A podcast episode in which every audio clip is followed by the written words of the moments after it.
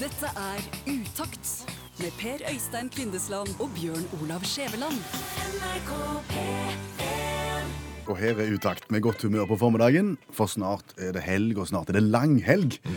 Og hva tenker du på på en dag som dette? Da tenker jeg på turisme.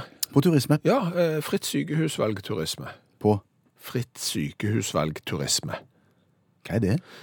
Altså, det er jo sånn at hvis du har en planlagt behandling du skal gjennom, eh, s- så er det noe som heter fritt behandlingsvalg. Det vil si at du kan selv velge hva for et sykehus du ønsker å bli behandlet ved. Ja.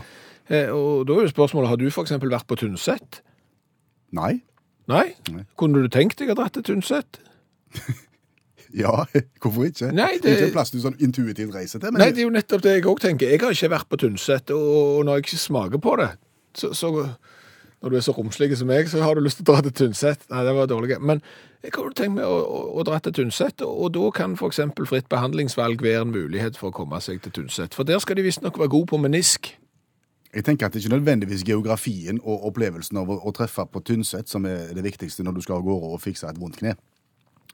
Nei, men de er gode på det. Ja, det skjønner jeg. Sant? Og, og, og dermed så vil jo gjerne du, da, hvis du har problemer med venisken, eh, når du da sitter og så ser på disse sykehusene, hvem har ventetid, eh, hvem har god kompetanse, hvem har behandla flest f.eks. med menisk, så, så vil du jo da gjerne òg kunne ta med i betraktningen hvilken plass har du ikke vært på. For det er jo sånn at reiseutgiftene ved fritt sykehusvalg får du jo dekka. Altså, det er egenandel, det er det jo. Eh, Jeg tror det er 400 kroner hver vei, eh, jeg vet ikke. Men det, det er jo iallfall en gyllen anledning til å komme seg rundt og få se ting som du ikke har fått sett Du før. ser jo ikke annet enn sykehus, senga di og korridor. Ja, men altså, menisk er jo ikke den me- Altså, i svært mange tilfeller, så folk går jo ikke på sykehuset for gøy. Det, det innrømmer jo jeg òg. Sjelden. Aldri. Sjelden for gøy. Men la oss nå innrømme det. Noen inngrep er ikke så omfattende som, som andre. Eh, Vi snakker ikke her om å åpne liksom hele magesekken og, og ta ut all innmaten og sy det sammen igjen og sånn. Altså, for eksempel skal du fjerne mandlene, Ja. så kunne du jo tenkt deg å dra til Namsos. Fordi Eh, Fordi jeg har ikke vært på, jeg har vært på Namsos en gang. Da spilte vi fotballkamp mot Namsos. Da var det bare rett inn og rett ut igjen. Fikk ikke sett noen ting. sant? Skal du opp der, så har du Helse Nord-Trøndelag, som visstnok skal være gode på, på å fjerne mandlene. Så drar du der. Ja, Vil du bli lenger da enn bare operasjonstida? Altså når du er ferdig med mandlene, så, så vil du bli igjen en Ja, stund? Det er jo for så vidt for egen regning, da. Da må jeg jo betale eventuelle hotelldøgn sjøl, men jeg har jo fått en relativt gunstig reis, og jeg har jo fått et insentiv til å reise rundt i Norge og se andre ting enn eh, Tromsø, f.eks. Mm. Visstnok gode på nærsynthet, laseroperasjon. Sant, det gjør de masse av i Oslo, men Oslo er liksom en sånn by sånn alle har vært i Oslo, og alle reiser til Bergen og Trondheim. Mange reiser til Tromsø òg, men, men Tromsø er f.eks. en god plass hvis du skal ha laseroperasjon for, for nærsynthet. Og rekonvalesensen er jo ikke så lang på, på mandler og menisk og, og nærsynthet. Og, og tenk deg når jeg knakk fingeren min. Husker du det? Ja. Så, så sa jo sykehuset den fingeren, Skjæveland, den må du operere. Hva da for? Ja, du har knukket den. Ja, men han vil jo gro. Ja, men hvis du ikke opererer den, så kan du ikke bøye den etterpå. Så var det inn på operasjon, eh, og etter det så har jeg ikke kunnet bøye den. Nei. Sant? Så så jeg hadde jo ikke hatt noen ting å tape med f.eks. å reise til Tynset. Nei, det ser jeg.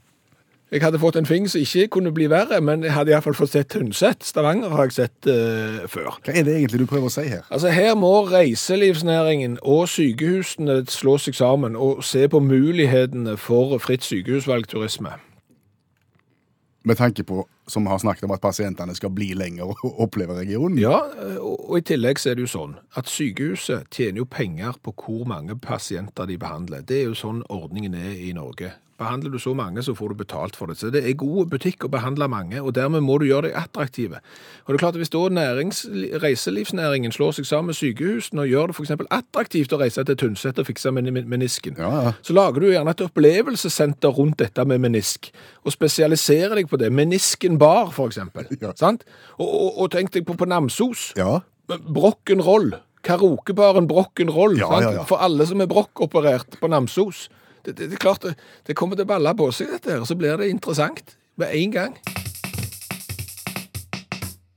Og det vi har slått fast i løpet av denne uka her, det er at folk har syke ting i matboksen sin. Ja, nordmenn er flinke til å tenke ut forbi matboksen. For vi har brukt denne uka til å se hva har folk på brødskiva si i matboksen når det er lunsj. Og da tenker vi spesielt på de som gjerne ikke bare har ost eller skinke eller makrell i tomat. De som kombinerer ting som vi andre gjerne ikke har tenkt på. Vi tenkte at vi ville få noen svar på dette. Noen ville være engasjert i dette her. Men det har jo sprengt alt. Ja, Altså, vi har det- fått helt sinnssykt eh, mange meldinger, og, og folk har hengt ut seg sjøl, og folk har hengt ut andre, og det er interessant lesning. Skal vi ta noen av de siste som har kommet inn her? Det har kommet en fra et arkitektkontor, der en av de tekniske tegnerne er ganske alternative. Han avslutter lunsjen hver dag med et knekkebrød med brunost, makrell i tomat, kaviar, jordbærsyltetøy, avokado og så et lite dryss med grovt salt over. Ja, og, og, og dette er ikke tull, for vi har også fått tilsendt en video som eh, dokumenterer når vedkommende eh, spiser dette. Så dette går ned. Så har du de som eh, gjerne kombinerer bare eh, få ting. Ja. Eh, Kristin, for eksempel, hun har siden hun var sju år hatt en favoritt, speilegg med blåbærsyltetøy. Skal komme på det òg. Skal du òg gjøre. Så var det Per Wilhelm som da forteller om sin gamle far, som gjerne spiste skjeve, brødskive med crabstick-salat og bringebærsyltetøy. Eh, Når jeg spurte han om salaten smakte vondt siden han hadde syltetøy på, så svarte han at det blir en brytning. Hva nå det er? Ja, en brytning er, er godt. Ja, Så det er bra. Kjempe. Eh, så må vi til vinneren. Ja, for vi har jo sagt at vi skulle kåre den sykeste, den tøffeste i løpet av uka, og det har ikke vært lett. Nei, det har ikke vært lett, eh, og, og det er mulig at vi har forbigått eh, noen som burde vunnet òg, men men det er det der å tenke alternativt. Ja, ja. Det der å kombinere ting du ikke hadde tenkt på før. Og der føler jeg vi har en god eh, vinner. For når du da tar ei brødskive, Mhm. så strør du på buljongpulver. Så smører du på peanøttsmør. Oppå der eh, strør du litt eh, knust potetgull, før du topper det hele med sennep og ketsjup. Da har du en lunsjbuffé som de aller fleste ikke har. Da har du lunsjen til Jan Erik Maudal. Ja. Hei, Jan Erik. Hei, hei. Hei, hei. Du, vi må jo spørre innledningsvis, hvordan kom du på dette? Nei, Det var, eh, var jeg satt ved kjøkkenbenken og kanskje var litt matlei en dag, så fant jeg ut at jeg ville prøve litt buljongpulver på brødskiva, for jeg hadde akkurat lagd meg en kopp buljong. Så eh, fant jeg ut at det var jo veldig godt. Og så sto nå peanøttsmørburken ved siden av, da, så ble det på neste brødskive så ble det jo peanøttsmør og buljong, og så ble det Ja, så balla det på seg, rett og slett. Med litt potetgull og litt sennep og ketsjup. Det var potetgullposen, sto også på kjøkkenbenken. da, og der, eh, Det var sånn biff eh, med løk, som var veldig god, da. Så jeg tenkte, den, den passer jo veldig godt til dette her. Men hvordan reagerer omgivelsene når du driver med såpass eksperimentell eh, matpakke? Ja, Nå bor jeg heldigvis alene. Da. Hadde jeg hatt familie, så hadde det vel, eh, da måtte jeg jo moderert meg litt, kanskje. Men ellers eksperimenterer jeg veldig mye på kjøkkenet, da, så jeg gjør det. Så, men jeg, eh, på jobben og sånn, så spiser jeg mye aleine i firmabilen. Så, men de gangene jeg har eh, spist eh, sammen med mange, da, så må jeg moderere meg litt. Da. Ja, ja, har, du, har du eksempler på andre varianter som du har forsøkt deg på? Jeg jobba i et stort firma i Oslo en gang hvor jeg hadde med meg eh, ost på jobben eh, som eh, jeg smelta i mikroovnen. Og det ble- var ikke særlig populært, da, for det var jo den gamle Ole. Den er jo eh, en av de virkelig grumpy ostene. Så da blei jeg nekta å bruke mikroovn et halvt år på kantina på jobben. Det, det lukter stramt. det, det, det var lukt for viderekommende, kan du si. Jan Erik fikk mikrobølgekarantene. Den er sjelden. ja. Men, men du sier du eksperimenterer masse på kjøkkenet. Eh, Betyr det at det bare ikke går i brødskiver alt? Nei da, jeg eksperimenterer veldig mye i middag nå. Jeg blander gjerne potetmos og rotmos og kålrabistappe og litt av hvert. Jeg og har sammen med surkål og sånn på middagstallerken. Jeg syns det er litt ålreit å ha litt eh, variasjon på tallerken, for å si det mildt. Men har du bomma stygt da noen gang? Ja, eh, sjokoladepålegg med tomat oppå, det er ikke noe godt. Nei. Det kan du ikke anbefale, nei. Nei, det, det, det, det kan jeg si med en gang. Det, det kan du bare la være å prøve.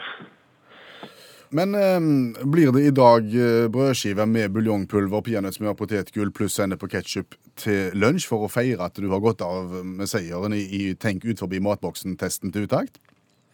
Eh, ja, kanskje det. kanskje det. Er det sånn at du vil eh, anbefale andre òg nå å prøve brødskiver med buljongpulver, peanøttsmør, p- potetgull pluss sennep og ketsjup? Ja, det der med potetgullet, det satt en ekstra stiss på det. altså Det gjorde det. det og sylteagurk må også med. Ja, du tar det i tillegg, ja. Ja, det må med, for det, at det setter en sånn liten ekstra spiss på, på det hele. Ok, da, da Jan Erik Møydal, da er menyen komplett. Brødskiver med buljongpulver, peanøttsmør, potetgull pluss sennep og ketsjup. Og en liten dæsj med sylteagurk på toppen. Ja, der har vi den. OK. Ha det godt! Ha det. Og vi har altså fått inn hundrevis av forslag eh, når vi spurte om eh, matretter i lunsjen. eh, m- Pålegg på skiva som ikke er vanlig. Eh, Og så sa vi da for fire minutter siden at vi nå skulle teste to av de variantene vi har fått inn. Eh, Den ene fordi han høres utrolig interessant ut, og vi begynner med den. Ja, for eh, Rikard Einarsen han eh, mener det at tar du ei skive med leverpostei og popkorn, eh, så smaker det som egg og bacon. Ja, Og hvis det er sant, Ja, så er, så er det en sensasjon. ja det er jo det. fordi at, eh, Tenk deg det. Å kunne slippe alt det der fettet når du steiker bacon. Ja, altså Popkorn er sikkert mye sunnere enn bacon òg, hva vet jeg. Eh, Derfor har vi juksa litt. Eh, Vi har tatt en skive en skive med leverpostei på, allerede klar. Og så drysser vi på litt popkorn. dytter det egentlig litt ned i leverposteien for å få det til å sitte fast. Sånn blir leverposteien som en lim. Og så smaker vi. Er det egg og bacon?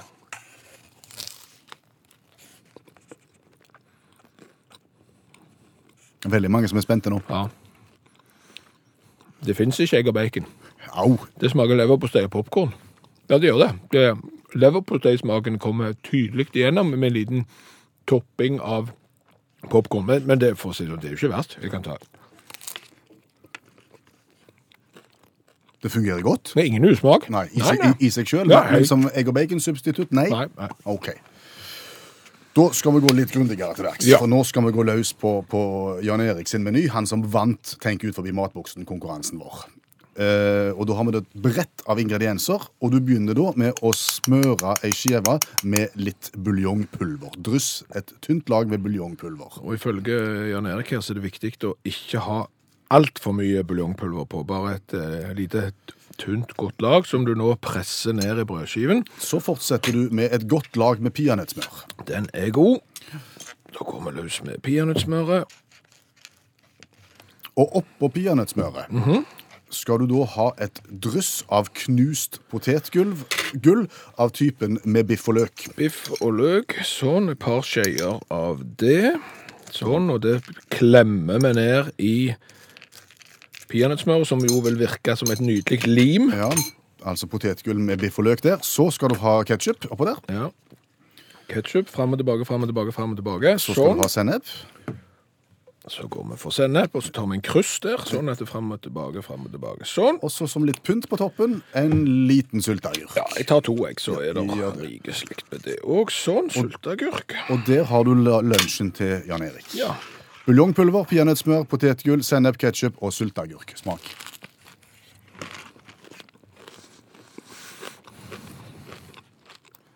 Hva er det første adjektivet som slår deg? Sennep. Det er ikke et adjektiv. Å nei. Blå. Blå. Nei, jeg vet ikke hva du... Det, er, det finnes jo ikke vondt. Altså, det er, Nei, vondt, nei. Nei, men men, det- men, men er det noe du ville anbefale? ja, det er, det er, det er ganske godt. Eh, Beskriv smaken.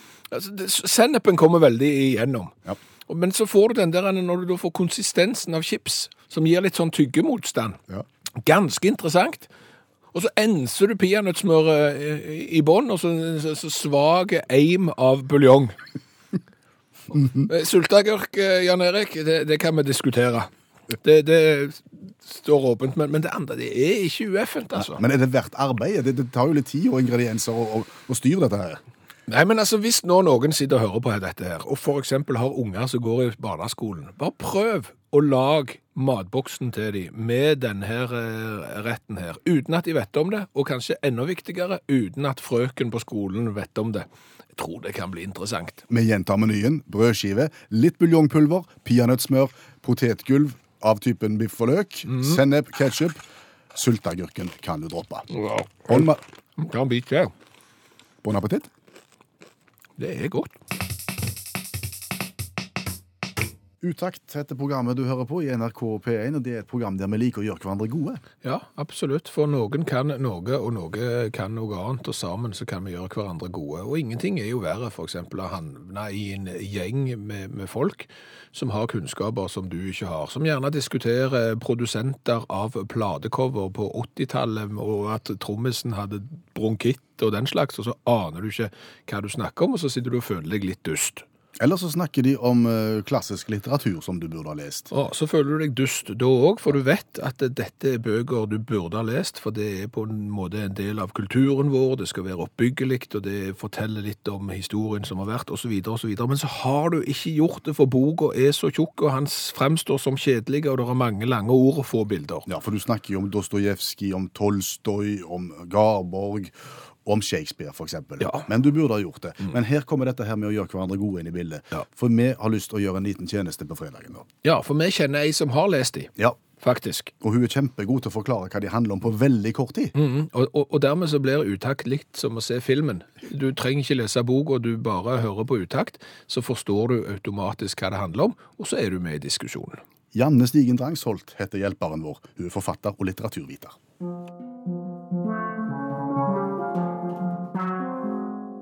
Hamlet av William Shakespeare fra 1599. Syting, syting, syting, å være eller ikke være, jeg er død. Da har vi Hamlet på en Da har måte. vi Hamlet. Hamlet vil hevne seg på Claudius, som har drept faren, og gifta seg i mora, med mora. Så det er jo nesten et sånn et eh, ødipalt eh, tema her. Det kjenner vi igjen fra denne skolen tidligere. Nå kan vi trekke inn tidligere, tidligere kompetanse. Ja, Nå kan vi trekke en tidligere her- her var det kompetanse. Det er litt Ødipus. sånn som Ødipus. Jeg så at du hadde tenkt å si det, så jeg var litt lei meg for at jeg kom deg i forkjøpet. Men det er altså Hamlet i et nøtteskall. Eh, hvem blir imponert av Hamlet? Alle. Dette har vi også snakket om tidligere. Absolutt alle blir imponert hvis du kommer trekkende med Shakespeare. Og særlig i år, for i år har jo Shakespeare 400-årsjubileum. Så her er det bare å pøse på. Og de skal vel sette opp Hamlet eh, på det der han har slått det i Danmark i anledning jubileum, for dette er i Danmark det utspiller seg, og det vet jeg uten å ha, ha sett filmen og uten å ha lest boka. Nemlig. Og de fleste kan jo òg et sitat fra Hamlet, tenker jeg. Ja, kan vi mer enn å være osv.? Ja, hva er det neste? Å være eller ikke være? Det er spørsmålet. Ja. Og da trenger du ikke altså Det er jo det som er essensen i Hamlet, for han klarer jo ikke å bestemme seg. Det er liksom Skal jeg drepe Claudius? Skal jeg ikke drepe Claudius? Skal jeg drepe mor mi? Skal jeg ikke drepe mor mi? Skal jeg drepe meg sjøl? Skal jeg ikke drepe meg sjøl? Han vingler, han er en vinglepetter, hele Hamlet. Ok, Så det at jeg tenker at det, Hamlet er òg et nyttig skuespill å trekke fram hvis det er noen som ikke klarer å bestemme seg. Så å, herlighet. det virker som Hamlet. Det er helt riktig. Og jeg tenker òg, siden du sa det med Danmark at det, det, altså, Hamlet er jo òg et nyttig stykke å så dra inn når du mistenker skittent spill. Når det er et eller annet som ikke er helt sånn som det skal være. sant? Det er noe galt i Danmark. Du vet ikke helt hva. Da kan det være nyttig å trekke inn Hamlet. Klassisk Hamlet. liksom. Her er det noe på gang som vi ikke skjønner helt. For det er også et sitat. Det er Ja. noe, Det er noe Det er muffens i noe Danmark. råttent i Danmark. det er noe råttent i Danmark, ja. Er det lov å spørre hvem Hamlet var? Hamlet, dansk prins. Dansk prins, Det kan òg være nyttig. Bra spørsmål. Hamlet er jo faktisk det lengste stykket til Shakespeare, så det tar ganske lang tid hvis du skal drive og sette det opp på scenen. Det- Derfor så er det veldig sjelden at de setter opp hele Hamlet, de setter gjerne opp en kort versjon. Og i 1976 så var det faktisk en engelsk eh, forfatter som lagde et skuespill som han kalte Hamlet på 15 minutter, så det er det ofte at det settes opp istedenfor, rett og slett. Hvor langt er det? Jeg tror det er sånn fire timer når du setter opp hele Hamlet på teateret. Ja, så At vi ikke har lest det der stykket når det er liksom den tjukke boka, er det løye? Nei, det er ikke løye i det hele tatt. Altså, Vi kunne satt opp Hamlet på 2 minutter og 50 sekunder. Jo, altså hvis det bare er å vite at det er syding, syding, syding, å være eller ikke være, og at Hamlet hele veien står og vingler med om han skal drepe han der han er Claudius, om han skal drepe mora eller skal drepe seg sjøl, og at det er et eller annet råttent i Danmark, så skal vel dette gå greit? Ja, Og han var prins. Tusen takk, Janne Stigen Drangsholt, litteraturviter, forfatter, hjelpetrener i friidrett og medlem av FAU. Når skjedde det egentlig? Hva tenker du på? Alt. Eh, Det er ofte sånn når du ser en ting, og så begynner du å tenke ja, når skjedde egentlig det? Eh, Og så må du sjekke det. For eksempel eh, Carl Benz, eh, tyskeren. Når fikk han ferdig sin første bensindrevne bil? Vill gjetting 100 år siden, cirka? Ja, mer enn det. Ja, 1886. Ok. Mm, 3. juli i Mannheim. Eh, og så begynner du å tenke på liksom, OK, første universitet i, i, i England, liksom. Når var det? Ja, det er haugammelt. Ja, det er haugammelt. Det er 1500, det. Nei! Det er 1167. Oi, sant. Ja, ja, og, og Oxford University 1167. Og det er litt interessant, for når tror du at aztekerne bygde sitt berømte Templo Mayor? Ja, det er jo enda tidligere enn det. Ja, eh, 1390. Nei, etterpå? Ja, ja, sant? Så ser du det. Det, det, det er interessant. Og for eksempel klamydia. Når fant de det? Ja, det Ja, de fant jo ikke opp det, da, på en måte, men, men, men når fant de det? Eh, På, på 1700-tallet. 1700-tallet, ja. 1907. Å ja. Stanislaus von Provasek fant det i, i Berlin. Mm. Ha. Så, så, så sånn er det. Og, og hva tid for eksempel ble eh, handlevogna oppfunnet? For, åt- for 80 år siden. Stemmer det. På søndag Mm. er På det søndag. 80 år siden. Handlevogner, de som du kjører med i butikken når du handler. Ja. Oppfunnet av Oppfunnet av Sylvain Goldman, eh, som eh, drev og eide et supermarked i Oklahoma City i United States in the USA. Den 4. juni 1937 så fant han opp eh, handlevogna, og jeg trodde jo for- at Hæ? 1937? Jeg skulle jo tro handlevogna var mye eldre enn det. Men nei. Nei, altså den kom vel med supermarkedene og, og, og selvbetjeningen, tenker jeg. Ja, kanskje. Han fikk med seg en mekaniker, så monterte de den, og så ble det ingen suksess med handlevogn. Eh, Og da gjorde jo eh, Sylvain det trikset som svært mange har gjort i, opp gjennom historien, få inn fine damer. Han leide inn flere modeller til å så bruke handlevogn i butikk, og, og da ble plutselig handlevogner mye mer eh, populære, og så fortsatte han å gjøre forandringer, og så fant han ut at jo større kurv det er, jo mer kjøper kundene. Hæ. Og han ble da eh, mangemillionær fordi at han hadde royalty, altså han hadde honorar på, for antall handlevogner i USA fram til patentet da gikk ut. Jeg har litt sånn dårlige vibber jeg på handlevogn. Ja, du er jo en eh, tidligere ansatt i kooperativen, du. Ja, jeg var ansatt i kooperativet. Ja. eh, i, I tenårene, og da var jeg veldig lav og sped. Ja. Men jeg hadde, sånn, jeg hadde frakk som var litt lengre enn han skulle ha vært. Ja. Men jeg hadde jobb som, som sånn, satt på plass varer, og, og hadde også ansvar for å samle inn handlevogner på parkeringsplass. Ja. For det var ikke sånn at folk satt de på plass sjøl, for det var ikke en tier å hente. og den slags. Mm. Folk satt de bare fra seg der som de hadde vært. Så min jobb var å hente. Så jeg henta og henta og henta, og hentet, og da setter du de sammen til et kjempelangt tog. Stemmer. Og for å spare tid så lager du jo lengst mulig tog. Ja. Men det er kjempetungt å kjøre, og vanskelig å håndtere når det blir for langt. Jeg tenker den vogna som er helt fremst, så du skal styre helt bakfra der, den går gjerne ikke den veien du har tenkt. Ikke i det hele tatt når jeg er 1,40 høy og ikke spesielt sterke heller, Nei. og begynner å manøvrere her, og når jeg da dunker borti den første bilen 30 meter lenger framme Panikk! Panikken slår an, og så tenker jeg nei, dette går ikke. Så jeg begynner da å dele opp toget. Mhm. Eh, ri- River de fra hverandre og setter de i, i avdelinger rundt omkring på En parkeringsplassen. form for privatisering av, av jernbanen, altså dele opp toget. Ja. Tar én og én burk med meg, Mhm. med den følge at jeg sperrer jo parkeringsplassen med de som står igjen, mens jeg er inne med den andre. Så når jeg kommer ut, så er det i tillegg trafikkaos. Og folk er sinte. Så derfor er jeg litt grann skeptisk. til Ja, andre. så, så for deg eh, denne dagen med 80-årsdagen til handlevogna er ikke nødvendigvis en sånn en ikke- det er ikke en dag jeg feirer med glede. Nei, nei. Jeg, jeg husker første gang jeg så de der eh, at du måtte legge penger på for å få lov å ta ei handlevogn. Å, Så synes jeg Det synes jeg var kjempegenialt. Det og så jeg i Frankrike. Jeg hadde aldri sett det i, i Norge. Så tenkte jeg det burde vi hatt i Norge. Kanskje jeg skulle s- funnet ut av det og begynt med import av de. Det kunne vært en god idé. Og så tenkte jeg meg om.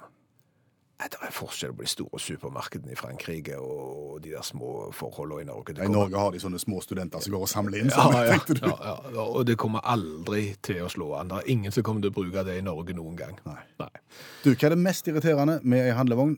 Det mest irriterende med handlevogn er uten tvil når framhjulet ikke roterer eller eh, står fast. Mm. For da går det ikke an å styre handlevogna, og da får du en lei sånn en sidegange når du går imellom reolene og må kompensere for, for sla- slark i framhjulsstyringa. Og så en siste fleip eller fakta.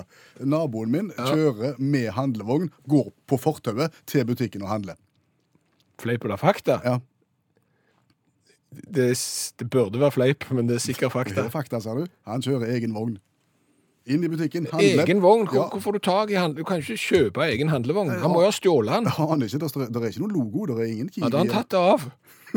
Ja, men altså, Hvis du hadde fått i oppdrag i dag sant? Du vil ha din egen private handlevogn kun for deg sjøl. Hvor ringer du hen da? Hvor... Nei? Nei, nei, altså Handlingsregelen sier ingenting ingen om det. Hva har vi lært i dag? Å, mye. Å, Vi har jo blant annet lært at eh, du trenger ikke lese hele Hamlet eller se hele stykket som tar timesvis. Ofte så eh, kan Hamlet oppsummeres på syv sekunder. Bare hør på Janne Stigen Drangsholt. Syting, syting, syting. Å være eller ikke være. Jeg er død. da har vi Hamlet. på en Da har måte. vi Hamlet. Eller så kan du eventuelt se Lion King, som jeg har fått et innspill på her, som er basert på mye av det samme. Ser du Disneys Lion King, så får du litt av det samme. Ja, og, og eh, hvem er Hamlet her? Er det løven sjøl? Simba? Nei, vet ikke. Men du, så, så vet vi jo ofte det at eh, det er vel ting som tyder på at matsmak henger sammen med interiørsmak. Iallfall hvis Martin har rett. Hva sier Martin? Eh, Martin har en kamerat som spiser brødskiver med banan og majones, eh, men så har han i tillegg i fullt alvor bygd et helt nytt hus med brystningspanel. Så det er flere ting som ikke stemmer med kameraten min, sier eh, Martin. Så, så sånn er det. Eh, Jan Erik har jo vunnet premie i dag for å være den i Norge som etter Utakt sin målestokk tenker mest ut forbi matboksen når det gjelder lunsj. Han har buljongpulver på skjeva, peanøttsmør, knust chips, ketsjup og sennep og sylteagurk. Men det er ikke alt Jan Erik har prøvd som er like godt. Ja, eh, sjokoladepålegg med tomat oppå, det er ikke noe godt. Nei. Nei, det, det, det, det kan jeg si med en gang. Det, det kan du bare la være å prøve. Da vet vi det.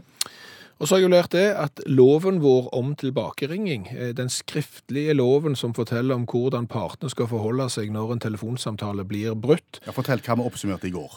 Det er jo sånn at den som ringer opp, n- og, og når telefonsamtalen blir brutt, det er den som har ringt opp, som skal foreta den nye oppringingen. Det Ja, for har vi hvis- skrevet i lovs form. For hvis alle begge begynner å ringe tilbake på en gang, så, så stopper det opp. Den, Øystein har kommet med et viktig appendix i, i den forstand. hva er appendix? Jeg tror det er blindtarm.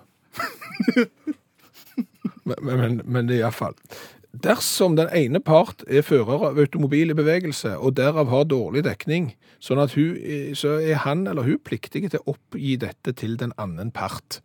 Du må fortelle da at du er i bil, og at det plutselig så kan jeg dette ut, for jeg har eh, dårlig, eh, dårlig dekning. Og når denne informasjonen er utlevert, så er det da den stillesittende part som har konstant god dekning, og ikke føreren av automobil, som skal ringe tilbake igjen hvis eh, vedkommende faller ut. OK. Og det- dette da gjelder uavhengig av hvem som starta samtalen. Er en i bil med dårlig dekning, så ring. Dette er Utakt med Per Øystein Kvindesland og Bjørn Olav Skjæveland. NRK P1